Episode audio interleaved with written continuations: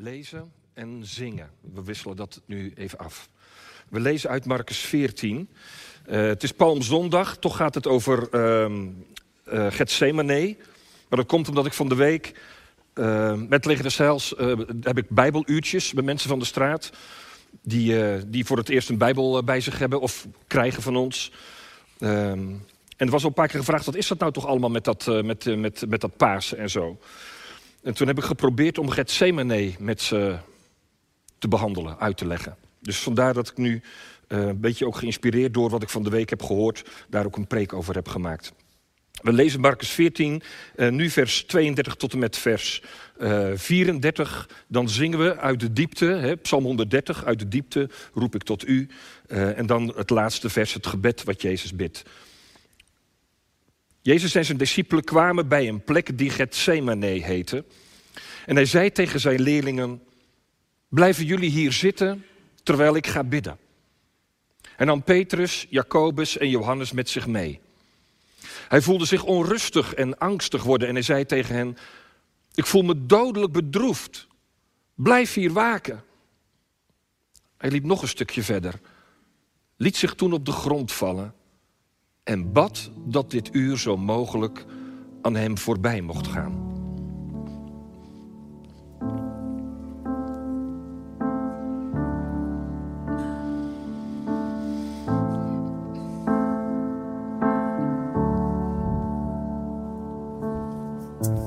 Uit de diepte roep ik.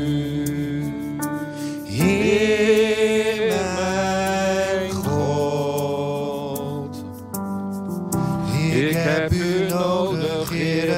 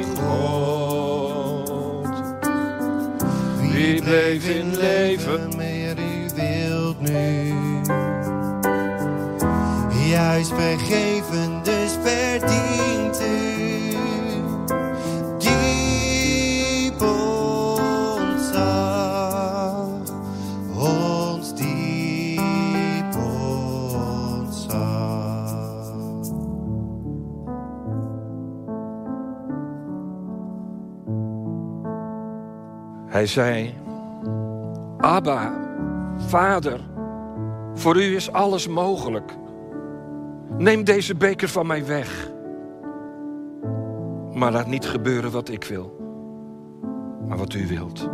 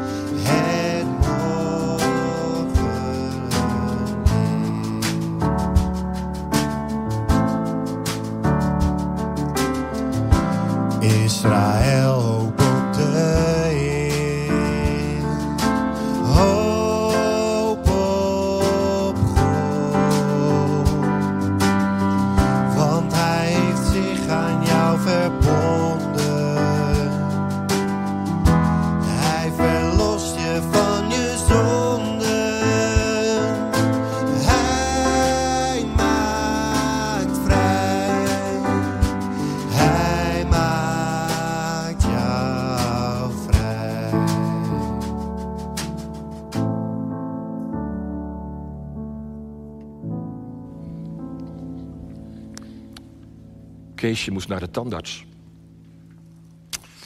En dat vond hij vreselijk. Had al een tijdje kiespijn, durfde niks te zeggen tegen mama. Maar mama zag wel, zegt, wat is er Kees? Je zit steeds een beetje met je, met je hand zo. Ja, nee, nee, nee, het valt wel mee, mam.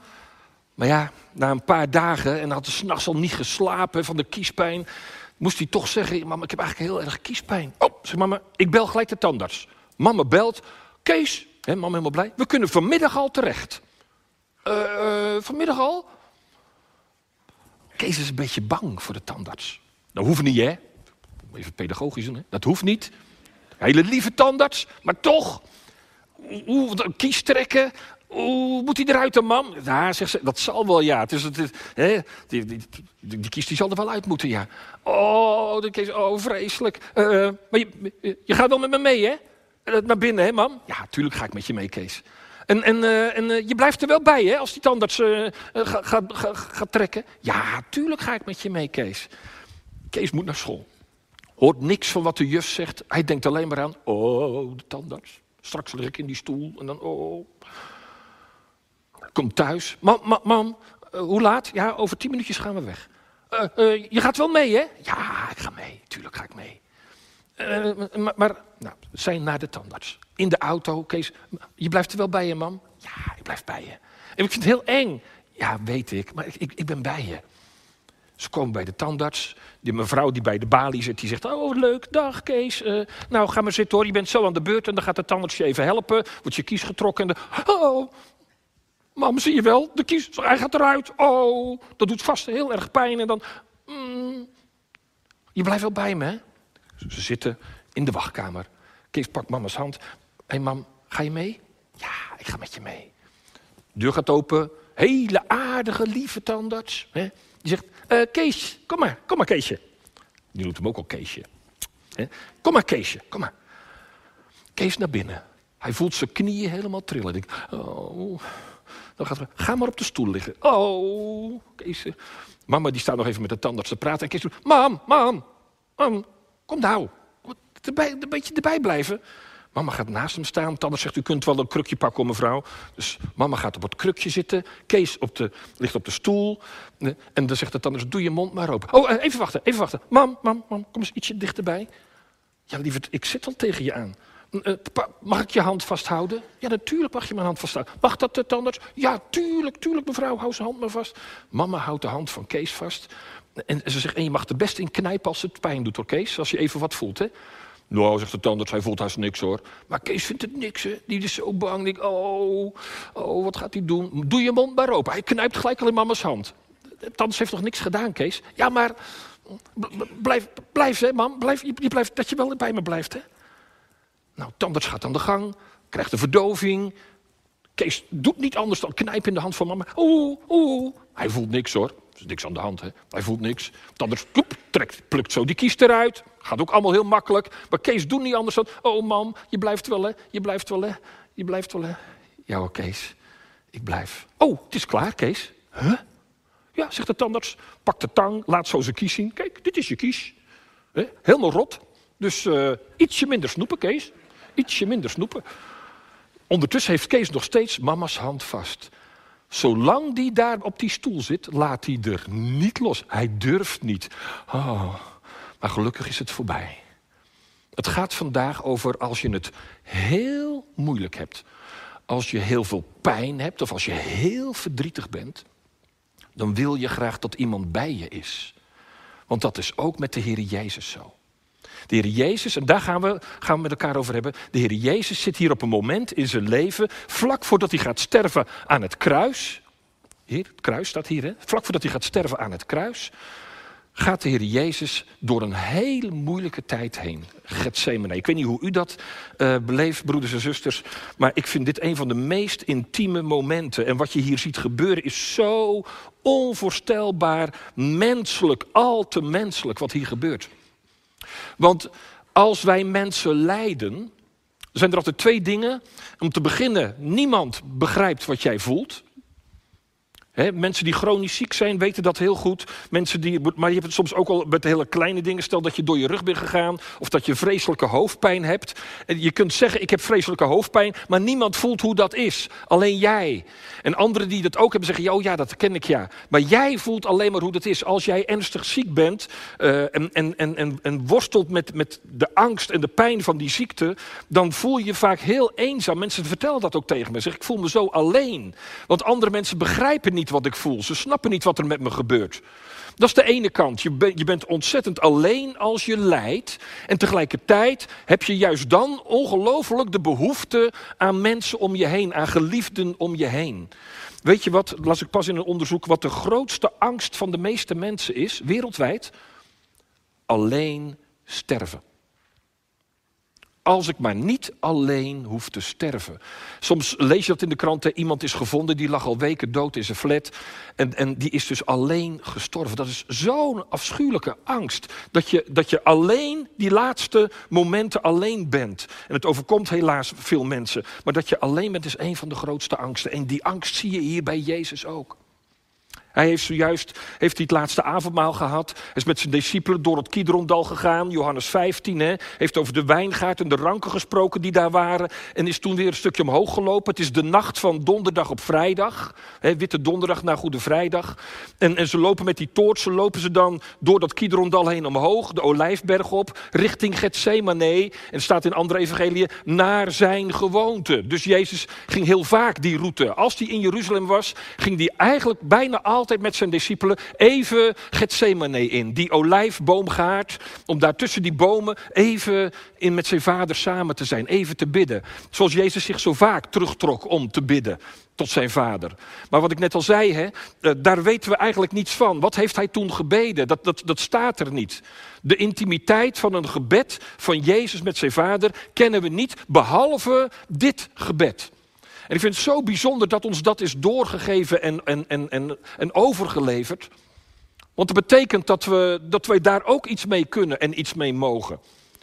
Dat dit gebed niet alleen bedoeld is voor, voor, om te zeggen, oh kijk eens wat Jezus met zijn vader zegt, maar dat we mogen leren hoe we mogen bidden als we niet meer weten waar we het zoeken moeten. Want dat is wat er hier aan de hand is. Jezus gaat met zijn discipelen, laat de discipelen achter in de, in de hof van Gethsemane, maar weet wat er gaat gebeuren. En net als Keesje met zijn moeder zegt eigenlijk, jongens, blijf alsjeblieft bij me. dan neemt hij Petrus, Jacobus en Johannes, de drie meest intieme discipelen waarschijnlijk, neemt hij dan met zich mee, gaat er een stukje vraagt of ze daar willen gaan zitten en met hem willen waken. Loopt dan nog een stukje verder en gaat dan samen daar, of in zijn eentje daar, de hof van Gethsemane verder in. En dan vindt de confrontatie met God de Vader plaats. Dan gebeurt er iets.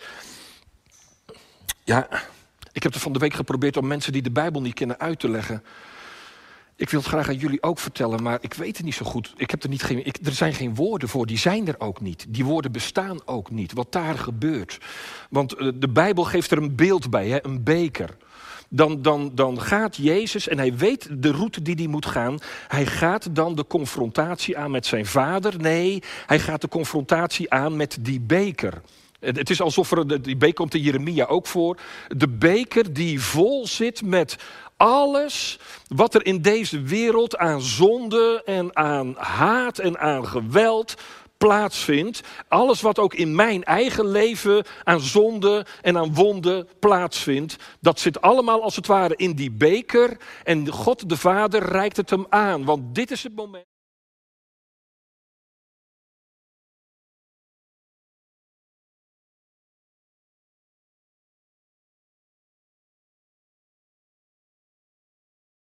Tegen die mensen, want dat snappen ze niet. Maar er staat in Colossense, zegt Paulus, hij die geen zonde heeft gedaan, heeft hij voor ons tot zonde gemaakt. Hier wordt Jezus als het ware volgegoten. Hij die, die, die, die licht en zuiver en rein is, wordt volgegoten met al mijn vuil.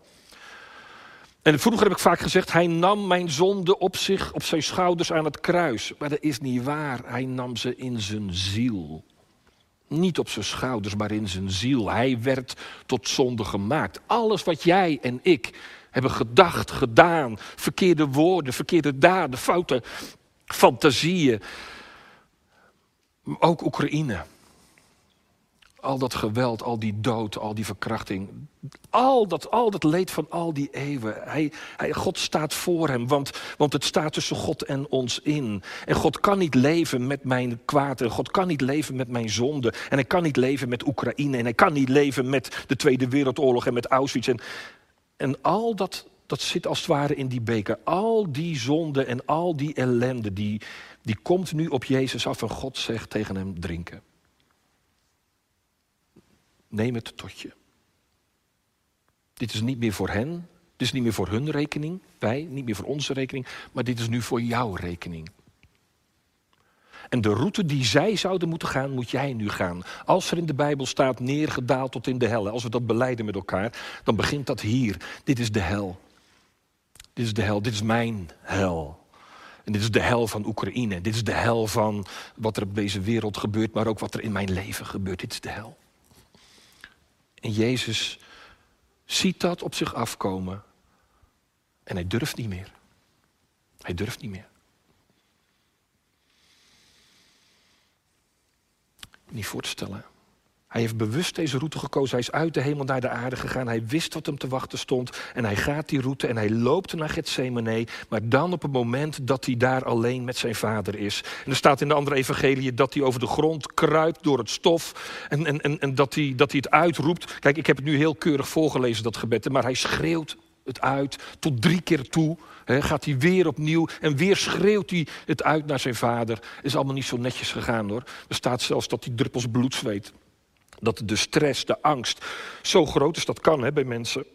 Dat de aderen, het zijn dunne aderen in je voorhoofd, dat de aderen in zijn voorhoofd, dat die knappen. Zodat als hij zweet, zweet hij bloed. Panisch van angst.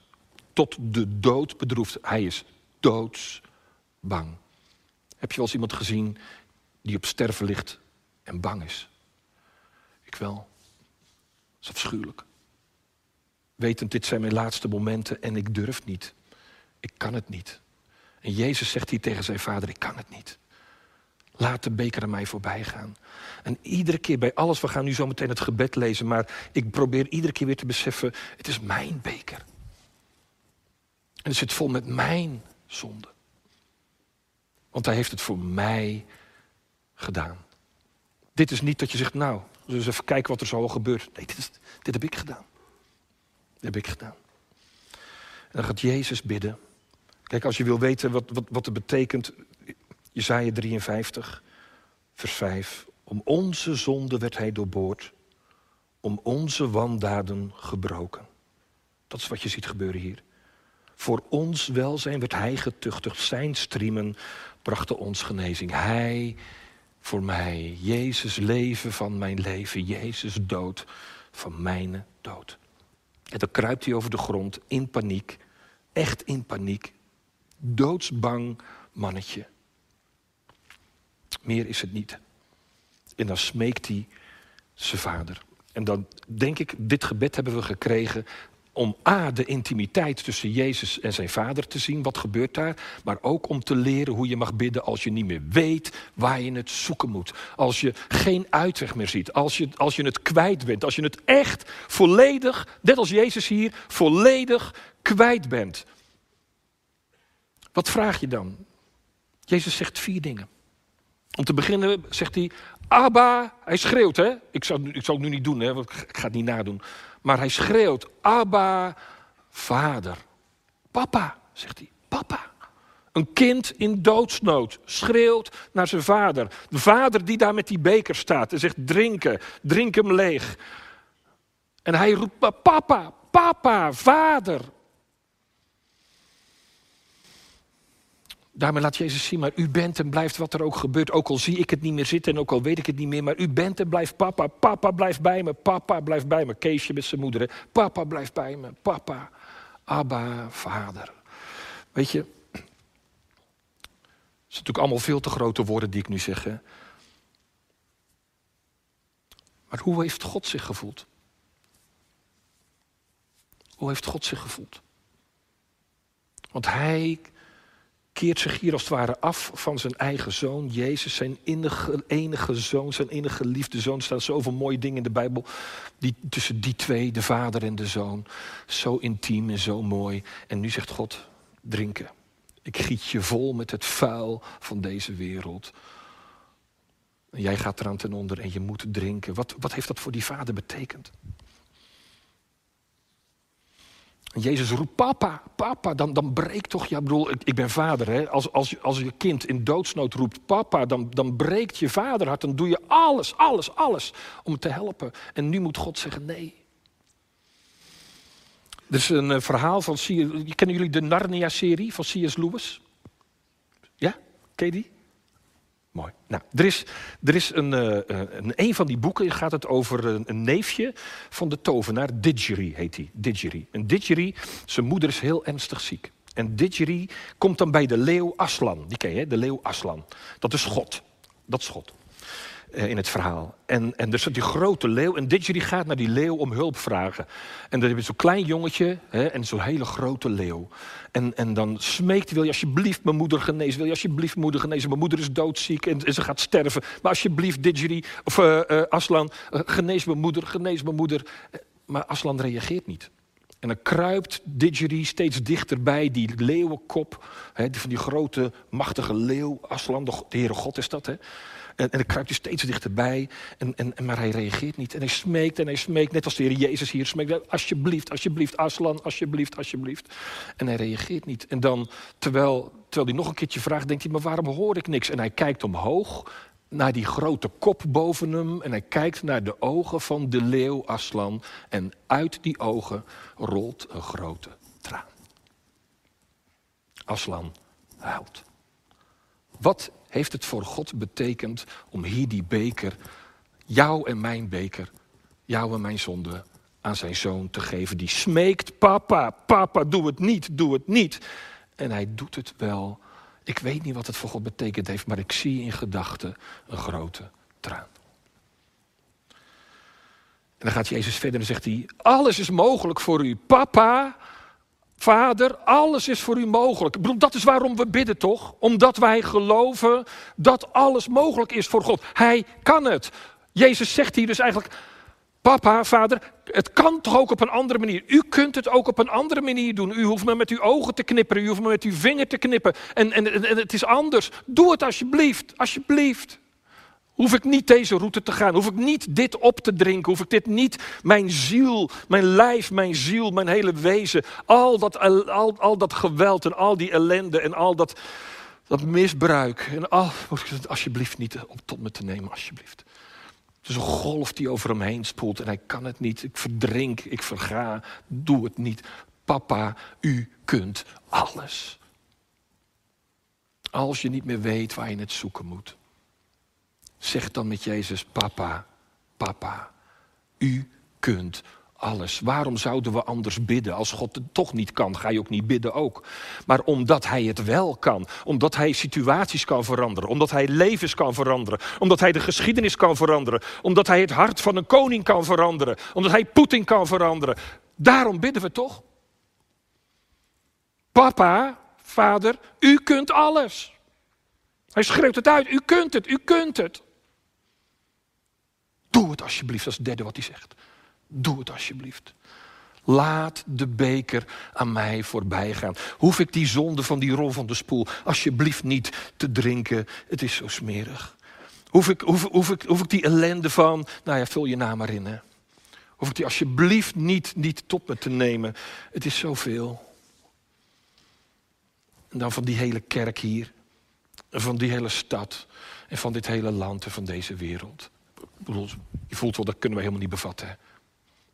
Maar het komt allemaal op hem af in de beker van zijn vader. Laat de beker aan mij voorbij gaan. Laat het stoppen. En broeders en zusters, als je niet meer weet waar je het zoeken moet en je schreeuwt het uit, papa, u kunt het, laat het stoppen. Dan mag je inderdaad bidden en vragen wat je op dat moment nodig hebt. Doe dat alsjeblieft ook. Smeek. Roep het uit naar de Heere God. Hou je niet in. Zoals Jezus zich hier ook niet inhoudt. Hij schreeuwt het uit. Papa, u kunt het, doe het. Doe het. Laat het stoppen. Mag het voorbij gaan? Man, ik weet niet hoe hard ik dat heb gevraagd. Elke keer als ik weer beelden uit Oekraïne zag. Ik weet niet hoe hard ik dat heb gevraagd als ik bij sommigen van jullie thuis heb gezeten, op de bank. En ik bid het nog steeds, bijna dagelijks, nu met mensen uit Maastricht, die niet meer weten waar ze het zoeken moeten. Van de week een meisje van 21 studenten, gebeld door haar ouders, suïcidepoging mislukt, verplicht opgenomen, gedwongen opgenomen.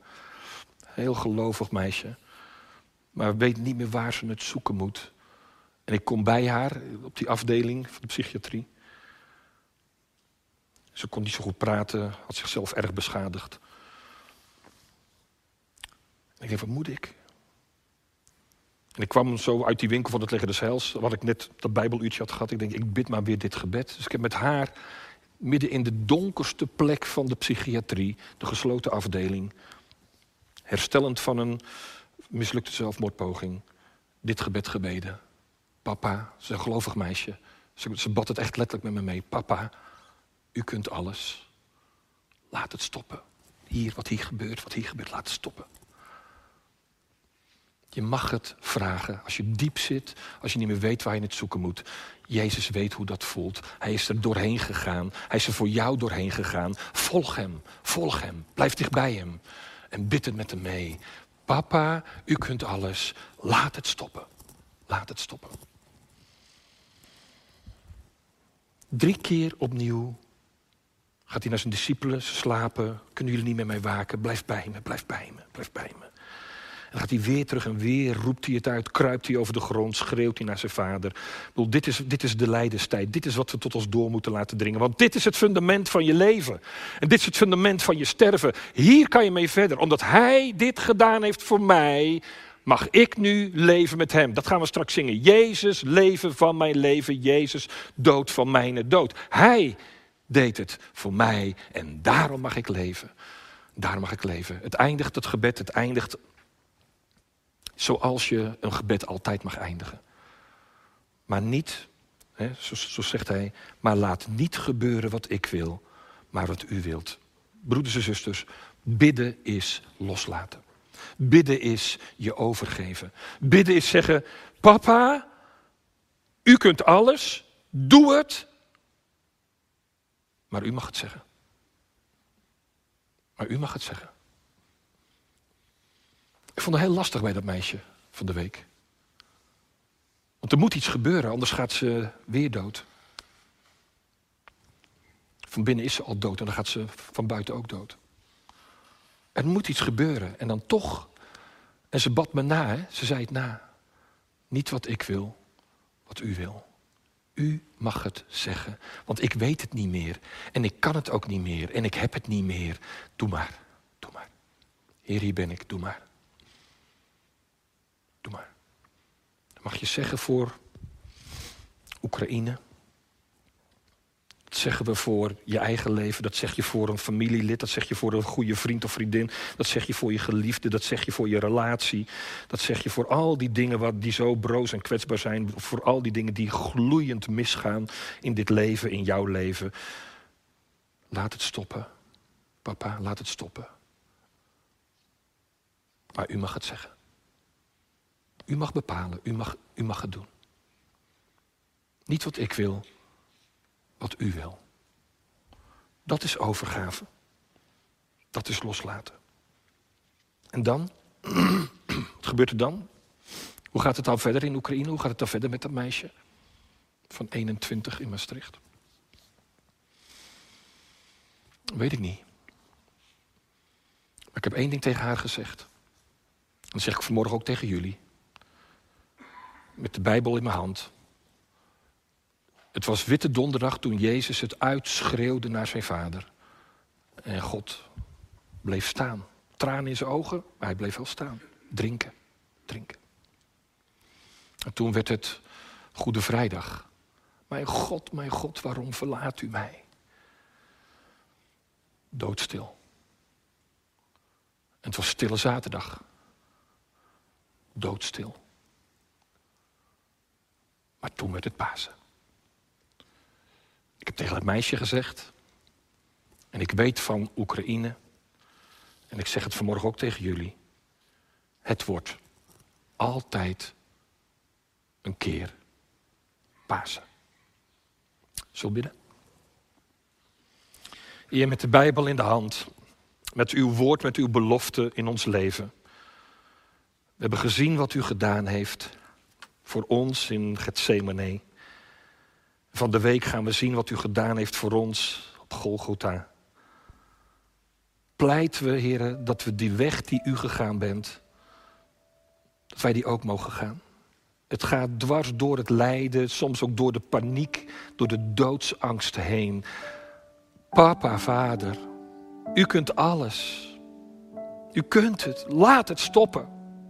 Voor deze wereld, voor Oekraïne, in mijn leven, in onze relatie, in dat wat er misgaat. Laat het stoppen.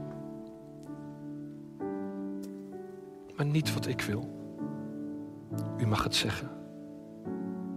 U mag het zeggen. Heer, we leggen ons leven in uw handen. In het vertrouwen dat dwars door het lijden heen en dwars door het verdriet heen en dwars door de angst heen, het voor ieder van ons op een dag weer Pasen zal zijn. Dan zal uw licht, dan zal uw liefde ook in ons leven toch weer schijnen. Jezus, u bent het leven van mijn leven. Want uw dood was mijn dood. Amen.